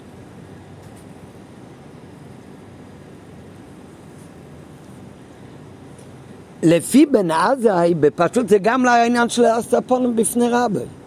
כי זה מה שהוא עונה לו, זה תראי וללמד אני צורך, אין בזה שום מזו פנים. איה אפשר ללמוד בדרך אחרת, כמו במצווה חמורה אני לא אלמד בדרך אחרת, כך גם במצווה קל ללחץ בית הכיס, אני גם לא לומד בדרך אחרת. האמת שבגמרא שם בסוף ברכות, הברייתא הזאת באה אחרי ברייתא אחרת. הברייתא הקודמת, ממש אותו סיפור. מספר את הברייתא שרבי עקיבא סיפר, ש... שרבי עקיבא נכנס אחרי הרב שלו, אחרי רבי ישוע לבית הכיסא, ולמד ממנו שלוש הלכות, אותם שלוש הלכות שאחר בן עזרא גם אצל רבי עקיבא. ורבי, ובן עזאי שואל את רבי עקיבא, עד כאן נעשת לפני רבחו? אומר רבי עקיבא, תרא וללמד אני צורך. מה זאת אומרת? שבן עזאי בעצמו יסתכל על זה כעניין של הזאת. אלא מה? אחרי שככה ענה לו רבי עקיבא, אז הפוך, אז רב, בן עזאי שהוא בשיטה, שמיצה קלקי מתרמור, הוא אומר, אם כך גם אני הולך ללמוד ככה תרא מרבי עקיבא.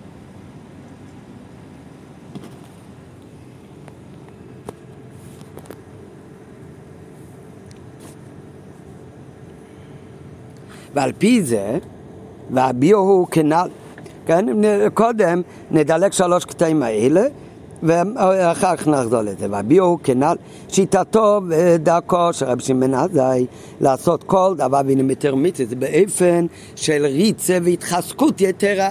ומכיוון שאין פסק הלכה יותר טוב וברור ממייסר רב, לא יסתפק בזה שישאל את רבו, אלא נכנס אחוב לבית הכיסא, ללמוד ממנו על ידי שעיר הנהגתו בפה. לא, אבל רבי יהודה, רבי יהודה הרי לא הסכים איתו. רבי יהודה אמר לו, עד כאן אסתו פניך ברבי. זאת אומרת רבי יהודה למד שגם אם זה דבר שנוגע באמת בפועל ותמיד הלימוד הכי חזק למעשה בפועל הוא כשרואים מעשה רב. אבל עדיין רבי יהודה סובר בדברים כאלה הלכס בית הכיסא אז את זה היה לך ללמוד כאן מבית הכנסת מבית, מבית המדרש. כאן תשאל הלכה בבית המדרש. כאן לא צריך לרוץ אחרי זה באופן כזה שיהיה לראות הלוך למעשה ממש מה שאין כן שיטתו של רבי יהודה הייתה שאין צריך לרוץ עד כדי כך להעיז פניו וכולי ואף שתורה היא ודי שישאל את רבו אם יש שם הלכות ודינים בשייכת לבית הכיסא. והנגד בן עזאי על הרי זה לשיטוסי של רבי יהודה עד כאן עשת פניך ברבחו אז מכאן עכשיו יוצא שלא רק הבאנו מה כושר רבי יהודה הוא זה שסובר דבורים כרסום לכן החיזוק על דם גוף אלא גם הפרט השני מה שבנאזה לשיטוסי שמרץ ומצווה קלו כבחמורו גם על זה רבי יהודה חולק באמת רבי יהודה לא סובר שתמיד בכל מצווה קלו אפשר להגיד שזה כמו מצווה חמורו ולכן גם את זה תלך ותלמד בבית הכיסא.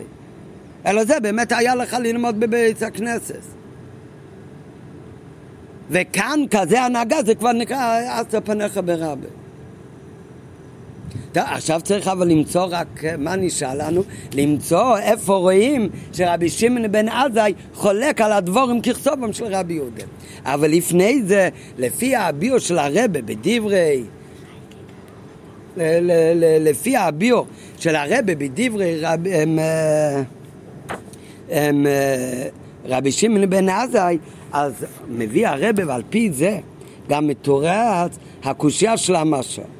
המשור שואל אותו, המשור שואל מי הכריח את, גם כשהוא אומר, תראה וללמד אני צורך, מי הכריח להעיס פניו? שישאל דברים אלה מרבו, שישאל אותו איך צריך לנהוג בבית הכיסא. מה עונה המשו? המשו אומר שהוא חשב שדברים כאלה, דאיזבוך שש איסור, זה לא מתאים לשאול את רבו. ותרי וללמד, זאת אומרת, לידע מה שיש שם נלמוד ממנו. ואומר הרב לא זכיתי להבין מה מתרץ משהו, הרי זה גוף היה יכול לשאול את רבו, אם יש מה ללמוד ממנו בהלכת בית או לא. והיה לומד את אבא מפיו, ולא היה צריך בשביל זה להעיד פני רבו.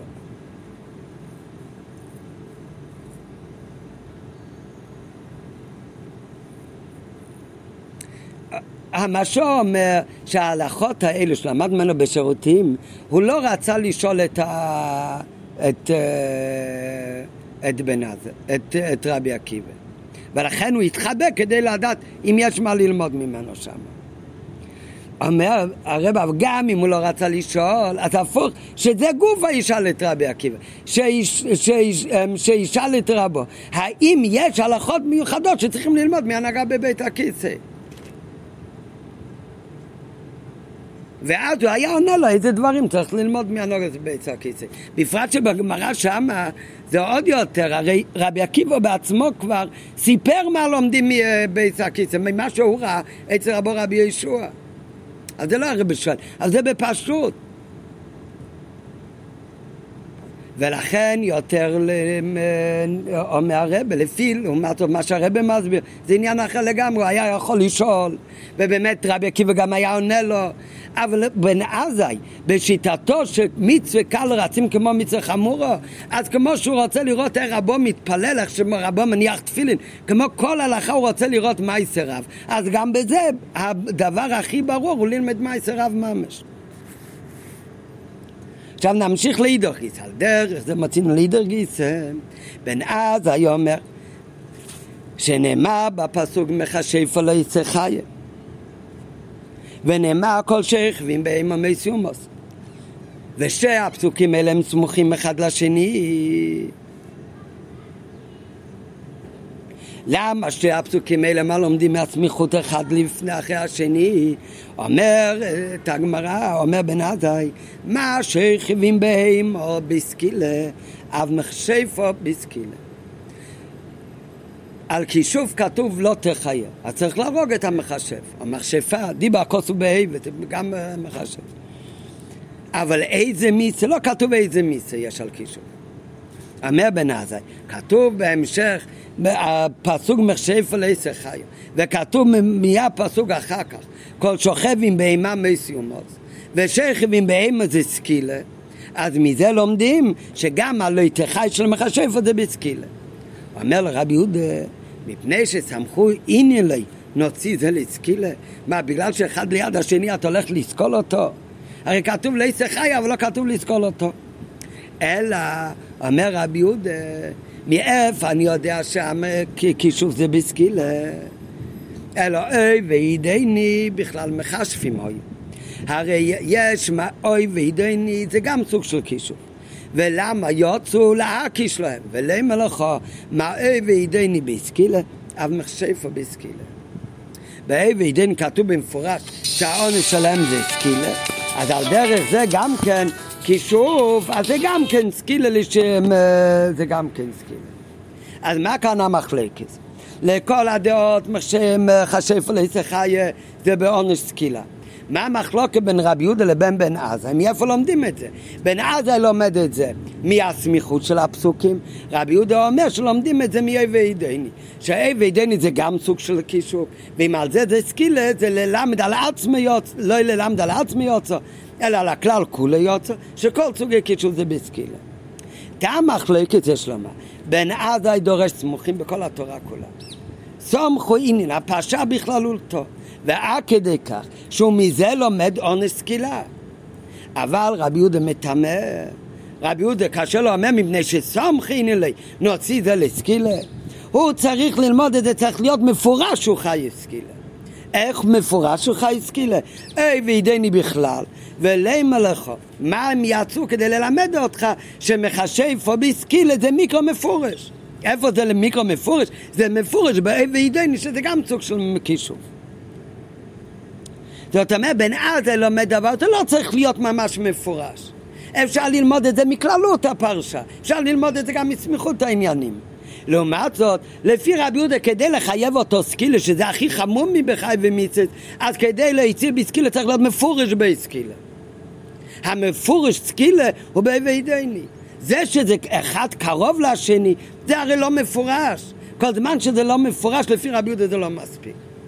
לעומת זאת לפי בן עזאי, מסמיכות הוא לומד חיוס סקילה. זאת אומרת, זה לא צריך להיות מפורש. אז מה יוצא מזה? זה העניין השני. שכמו שהבאנו מקודם הוכחה, שרבי יהודה לומד בדבורים ככסובו, אז עכשיו יש לנו מקור שלפי בן עזאי לא תמיד צריך להיות דבורים ככסובו, אלא אפשר ללמוד את הדברים גם מכלול את העניין. ולכן גם כן בענייננו, אז בן עזה הוא לומד שאף על פי שכתוב חזק על דם, אז דבר ראשון אנחנו יודעים שהחזק על דם, שאנחנו רואים שהחזק על דם שלפי בן עזה הוא בכלל לא כל כך הולך על הדם אלא על כלל עושה פרשה. זה, זה נכון שהוא גם מחזק על דבר קל, רוץ למצווה קל, אבל זה כדי שממנו תלמד גם כן על כולם. ואני רואה לא רק שבן עזה סובר שרוצה מצווה קל כבחמורו, אלא שבן עזה הוא גם לא לומד את התרא באופן של רבי יהודה, שהכל צריך להיות דבורים כרסובים, שלא הכל צריך להיות במיקרו מפורש. לעומת זאת רבי יהודה הולך תמיד רק עם מה שמפורש ממש. לכן רבי יהודה אומר מפורש ממש חזק כתוב על אדם, אז דם צריך בעיקר חיזוק, כי היו שופים בדם. כדי שיהיה חייב סקילה צריך להיות דבר מקרסון, צריך להיות מפורש באמת שהוא חייב סקילה. ולכן זה צריך ללמוד את זה מאי וידני. שהוא היה בכלל מחשב, והאי וידני הוא חייב סקילה. אז אם ככה מפורש בקישור שיש סקילה. לעומת זאת, לדעת בן עדה שלא צריך את זה.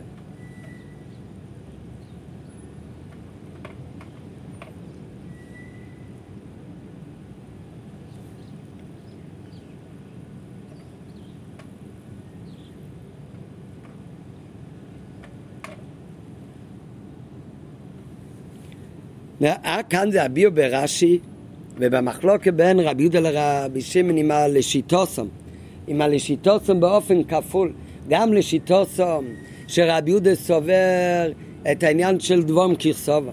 וגם לשיטוצי שרבי יהודה לא סובר את העניין שרץ מצווה קלו כמצווה חמורו ולכן לשיטוצי הוא לא צריך ללכת אחרי רבי לבית הכיסא. אותו דבר לשיטוצם גם בבן עזי בשתי העניינים. גם שבן עזי רוצה מצווה קלו צריך להיות חיזוק מיוחד אפילו על דובר קל. ולמה באמת? כי מצווה גררס מצווה ועבירה גררס עבירה קל וחמר בשם מצווה שעודו מסביב עליהם.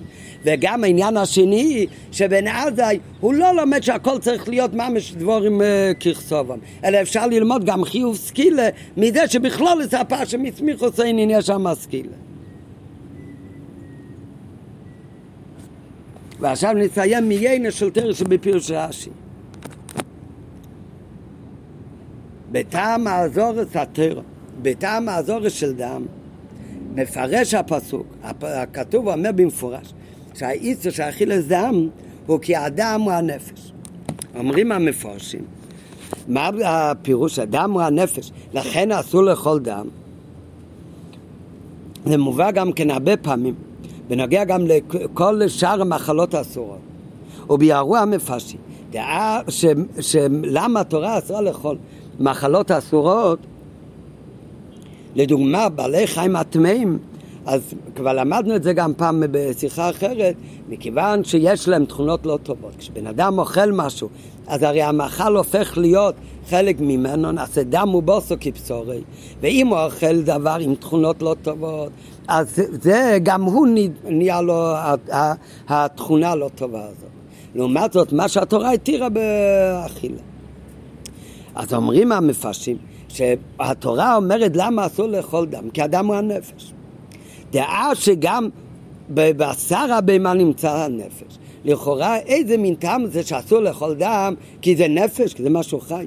לא, הרי עד שמתה הבהמה, אז מה היה חי? הדם היה חי, גם הבשר הוא בשר חי. מכל מקום. יש הפרש בין הבשר שבו נמצאת הנפש לדם, שעל דם אומרים שהוא הנפש עצמו.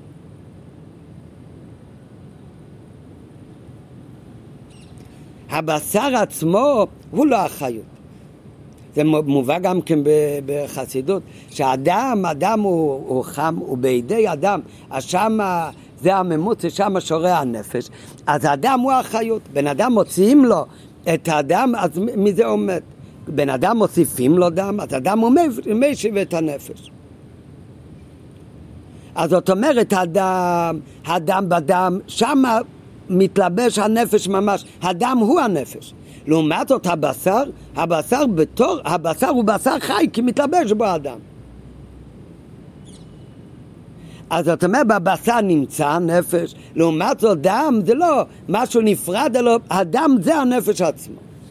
נו, ולכן, מדהינה, עוד אה, הקדמה, מכל דבר מחל נעשה דם ובשר מבשורו. כל מה שבן אדם אוכל, כמו שאמרנו מקודם, שזה הסיבה לאיסור אכילות מחלות אסורות, שכל מה שבן אדם אוכל, מה שהוא אוכל הופך להיות חלק ממנו. ולכן נקבע באדם הטבע של המאכל שהוא אוכל. כשאדם אוכל בשר בהמה טהורה, הרי מדברים על בעלי חיים הטמאים בכלל אסור לאכול, גם את הבשר שלהם, כי ידבק בתחום הנערה מהבעלי חיים האלה.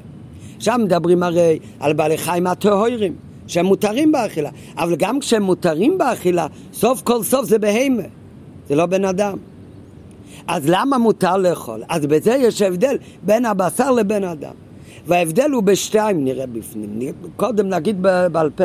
ההבדל הוא דבר ראשון, כמו שאמרנו מקודם, הבשר הוא לא ממש החיות של בהמה. הבשר זה בשר. בתוכו מתלבש חיות של בהמה. לעומת זאת, הדם הוא הנפש. אז הדם, בדם יש הרבה יותר את הבהמיות שלו, של הבהמה, כי זה החיות שלו. זה חיות של בהמה, אבל. בהמה תוירה, אבל בהמה. ולכן, אז זה ההבדל הראשון. איפה יש יותר חיות בהמית? הבשר הוא דבר גשמי. כשמדברים על התוכן של החיות של בהמה, אז הוא הרבה יותר בדם ממה שהוא בתוך הבשר. זה ההבדל הראשון. ההבדל השני, בשר שבן אדם אוכל, כשבן אדם אוכל בשר, אותו דבר שהוא אוכל לחם, כל דבר ש... אז הבן אדם צריך ללעוס את זה. ורק אחרי שהוא לעס את זה, אז הוא כבר שינה אותו ממה שהוא היה מקודם, ממהותו הקודם. אחר כך הוא, זה יורד לו במעיים. אז בעיכול, אז זה משתנה עוד יותר ממה שנעשה השינוי על ידי שהוא לעס את זה. ואחרי שהוא מעכל את זה, זה משתנה עוד יותר, והפסולת יוצא החוצה, ואז ממה שנשאר כבר, שהוא כבר ישתנה מאוד ממה שהיה לכתחילה, מזה נעשה אחר כך דם ובשר כבשורות, זה מתאחד איתו. לעומת זאת, בן אדם הוא שותה דם. בן אדם שהוא שותה דם, הוא לא צריך ללעוס, ללעוס את זה קודם. זה לא מתעכל כל כך. זה הרבה יותר שהוא דם, הוא הופך להיות חלק ממנו.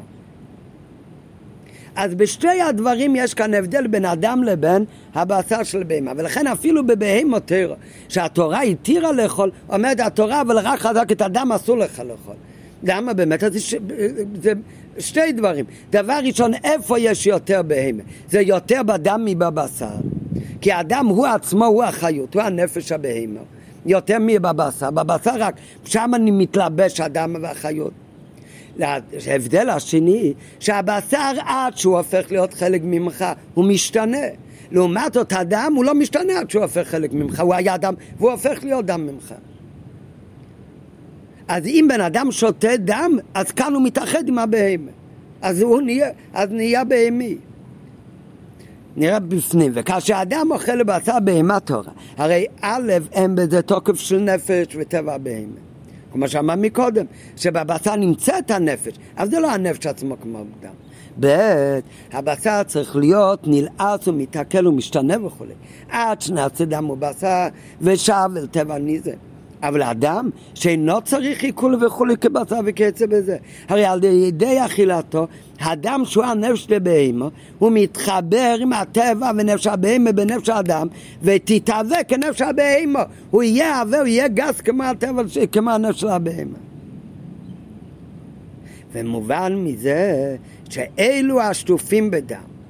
אז המידה של הנפש הבעמית שלהם זה כמו טבע של נפש הבהמה.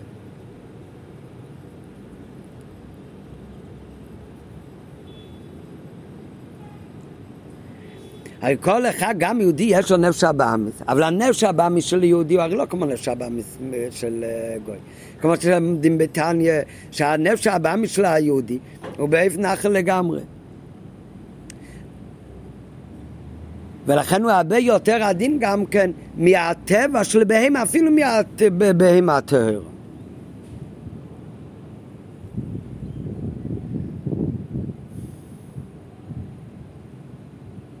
אבל מי ששטוף בדם, אז מה יתאחד בו? בנפש הבעמית שלו, שהרי אצל היהודי גם כן אדם הוא הנפש, זה החיות שלו, זה הנפש הבעמית, אז הוא הופך להיות כמו טבע של הבהמה. אז מי כאן יורד במדרגתו? שמנפש הבעמית של הבן אדם, של יהודי, הוא הופך להיות כמו הטבע של הנפש הבהמה, הרבה יותר ממה שהיה אוכל בשר, או רק אם הוא שותה דם. בבשר זה לא קורה, כי הבשר הוא לא החי שלנו על בהמה ממש. וגם הבשר הוא משתנה, כמו שהוא אמר. אז כאן הוא אומר שזה המידי של נפש הבאמיס הופך להיות כמו נפש הבהמה. בהערה הוא אומר שאם הנפש הבאמיס הוא יורד ממדרגתו, אז הרי זה פועל גם כן במידי של הנפש אלוקית שלו. ועל זה בית הפירושים שבפירוש רש"י. לפי פירוש הזה עכשיו, באיסו של אכילס דם, אז עכשיו גם מובן שתי הפירושים של רבי יהודה ורבי שמעון בן, אה, בן עזאי. שהשתי פירושים, שהאריכות בשיחה הסביר שזה שתי פירושים ומחלוקת, ומחלוקת לשיטוסום, אבל בפנים עניונים. בעבד עם הנפש הבאמיס זה לא מחלוקת, זה שתי דרגות. קודם יש את הדרגה הנמוכה יותר, ששטופים בדם, ואחר כך מגיעים לדרגה יותר נעלית בעבודת השם. וזהו שתי הפירושים שבפירוש רש"י. בהתחלה רש"י מדבר בזה שהיו שטופים בדם. ולכן הוא צריך לומר חזק. והציווי על החיזוק בתיקון לבירור מידותיו הטבעים של נפש הבאמיס. שצריך לברר ולזכך את נפש הבאמית. יש שטופים בדם. שטופים בדם, מה הכוונה? לפי בפנים עניונים. זה הכוונה האחד שיש לו נפש הבאמית גסה, כמו בנפש בהמה ממש. אז מה צריך לעשות עם כזה נפש הבאמיס? מה צריך לעשות? צריך לומר לו חזק. צריך חיזוק בתיקון ובירור של מידותיו הטבעים של כזה נפש הבאמיס. ומי אומר את הפירוש הזה? את הפירוש הזה אומר רבי יהודה. רבי יהודה עניין עם יהודה מלשון הודאה, הודאה וביטול. הודאה וביטול בספירס הולך על ספירס המלכוס, כי רבי יהודה הוא מלכוס. הפעם הודה את השם, שהודה זה מלשון הודאה וביטול, ומצד זה אביידו הוא בביטלו, בבירור של מדרגס הכי תחתנס. דווקא מצד מלכוס, שמלכוס זה כבר השרש. למשל מלכוס שבאצילס זה מה שיורד אחר כך לביאה. אז מלכוס זה דרגות הכי נמוכות שמצידם יכול להיות ניסי נסמוקים לנפש הבעמית הכי גסה גם כן. אז הוא מתעסק גם עם הביטל והביוט של מדרגת הכי תחתונס. וזה קשור לרבי יהודה, שרבי יהודה זה מרמד על צפירת המלכוס. ששם זה אביידס איסקפיה, שיש לו שייכות למידותיו הטבעים של נפש הבאמיס, וצריך לברר אותם ולשנות אותם.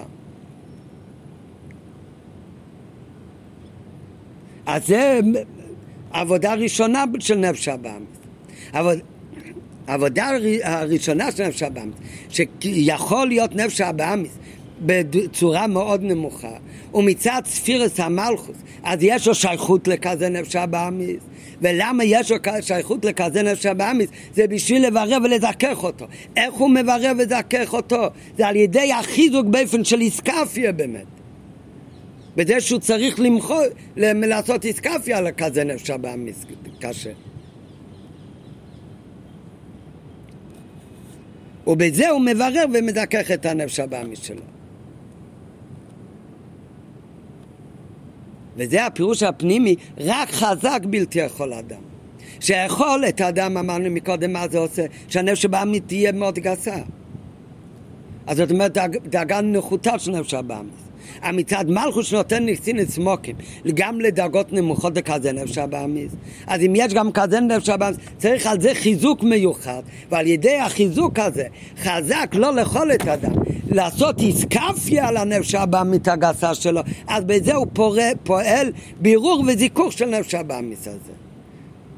זה מצד האגש של רבי יהודה. אבל רבי שמעון בן עזאי, שעבודתו היה בבחינות רצו דווקא. שכל חפצו מגמתו היה רק לאליס למיילו. וכמי כן בעסק התרא שלו, נשי חושקו בתרא, בן עזאי אמר שמה אעשה, כל אחד חייב להתחתן, להיות לו שייכוס לילה, מה זה, אבל מו אעשה ונשי חושקו בתרא. ואשר לכן, כל עניין של תרא ומצווה של בן עזאי היה באופן של ריצה והתחזקות כנ"ל. אצלו כל העניין של חיזוק בתר ומצוות זה לא בעניין של להתחזק, על לפעול בירו וזיכוך על הרע. אלא אצלו ההתחזקות בכל דבר זה להיות תמיד בתנועה של ריצה ותשוקה בכליס הנפש כלפי מעלה. אז לדעתו של בן עזאי לא בא כתוב אלא להזהירך וללמדך עד כמה אתה צריך להתחזק במצוות. זה בכלל לא מדבר על הבירו והזיכוך של דברים גסים נחותים. אלא שהכתוב לא בא לבירו ושיני מידס הטיבים, אלא אצלו הכל בא להזהירך ולהתחזק במיצס בכלל. ולהזהירך כאן, והחיזוק כאן, החיזוק הוא באזהרה על כל המיצס, אזהרה מלשון זויר ואויר. היינו שעל האדם להתחזק ולהתעלות, להאיר נפשו באור אלוקי בעניין המצווה. וכמו שאמרנו בשיטה של רבי יהודה, שמצד מלכוס שיש התעסקות עם נפש הבאה מתגסה עם מידי סבטיבים. אז כמה הפירוש שהם היו שטופים בדם, ולכן התורה צריכה להגיד רק חזק, לפי כוח אומרת התורה חזק. כי צריך להתחזק באופן של איסקפיה על כזה נפש הבאמיס, ועל ידי כך אתה מברר ומזכך אותו. אותו דבר בפירוש הפנימי. מצד בן עזאי, אז אצלו כל אביידה, כל עולם הזה, ונפש הבאמית, זה אצלו באופן של הבדלה בכלל. הוא לא נותן לזה מקום בכלל. ומה צריך עניין של חיזוק? זה תמיד להזהירך על כל המצוות. שהריצה לעניין של המצוות צריך להיות באופן של חיזוק. חיזוק לא איסקפיה של בירו עם הנפש הבאמית. אלא להאיר את הכל באור אלוקי, ברצון ותשוקה. ואיך זה בלשון שלו? אם בדבר שהוא קל להישמר ממנו, שאין אדם מתהווה לו, מצד הדאגה של בן עזאי. מצד הדאגה הזאת, אין אדם מתהווה בכלל לעניינים של אה, הפך הקדושה. ובכל זאת הוא צריך לחזקך באזהרתו. זאת אומרת, אם בעניין כזה שבלאו אחר אין אדם מתהווה לו מצד מידותיו הטבעיים. זאת אומרת שיש דברים כאלה שהוא לגמרי מובדל. ממה הוא מובדל? זה דברים שהוא מובדל ממנו גם מצד טבע מידו יצוב. אפילו מצד הנפש הבעמית שלו הוא מובדל מכאלה דברים. מכל מקום צריך לחזק באזהרתו. מה כאן צריך להתחזק באזהרתו? על זה הוא צריך להתחזק, לעשות על זה איסקפיה? הוא הרי מובדל מזה. הוא בכלל לא מתהווה לזה. הוא בדאגה הרבה יותר נענית מזה. ובכל זאת הוא צריך להתחזק בזה באזהרתו, מה הכוונה? הוא צריך להאיר גם בזה את האור אלוקי. לעלות למעלה מעלה בהבדלה, גם מטבע מידותיו, גם מכאלה, מכזה נפש הבאמיס. אפילו כזה נפש הבאמיס, שהוא אין לו תעבוד לדברים רעים. הוא לא שטוף בדם.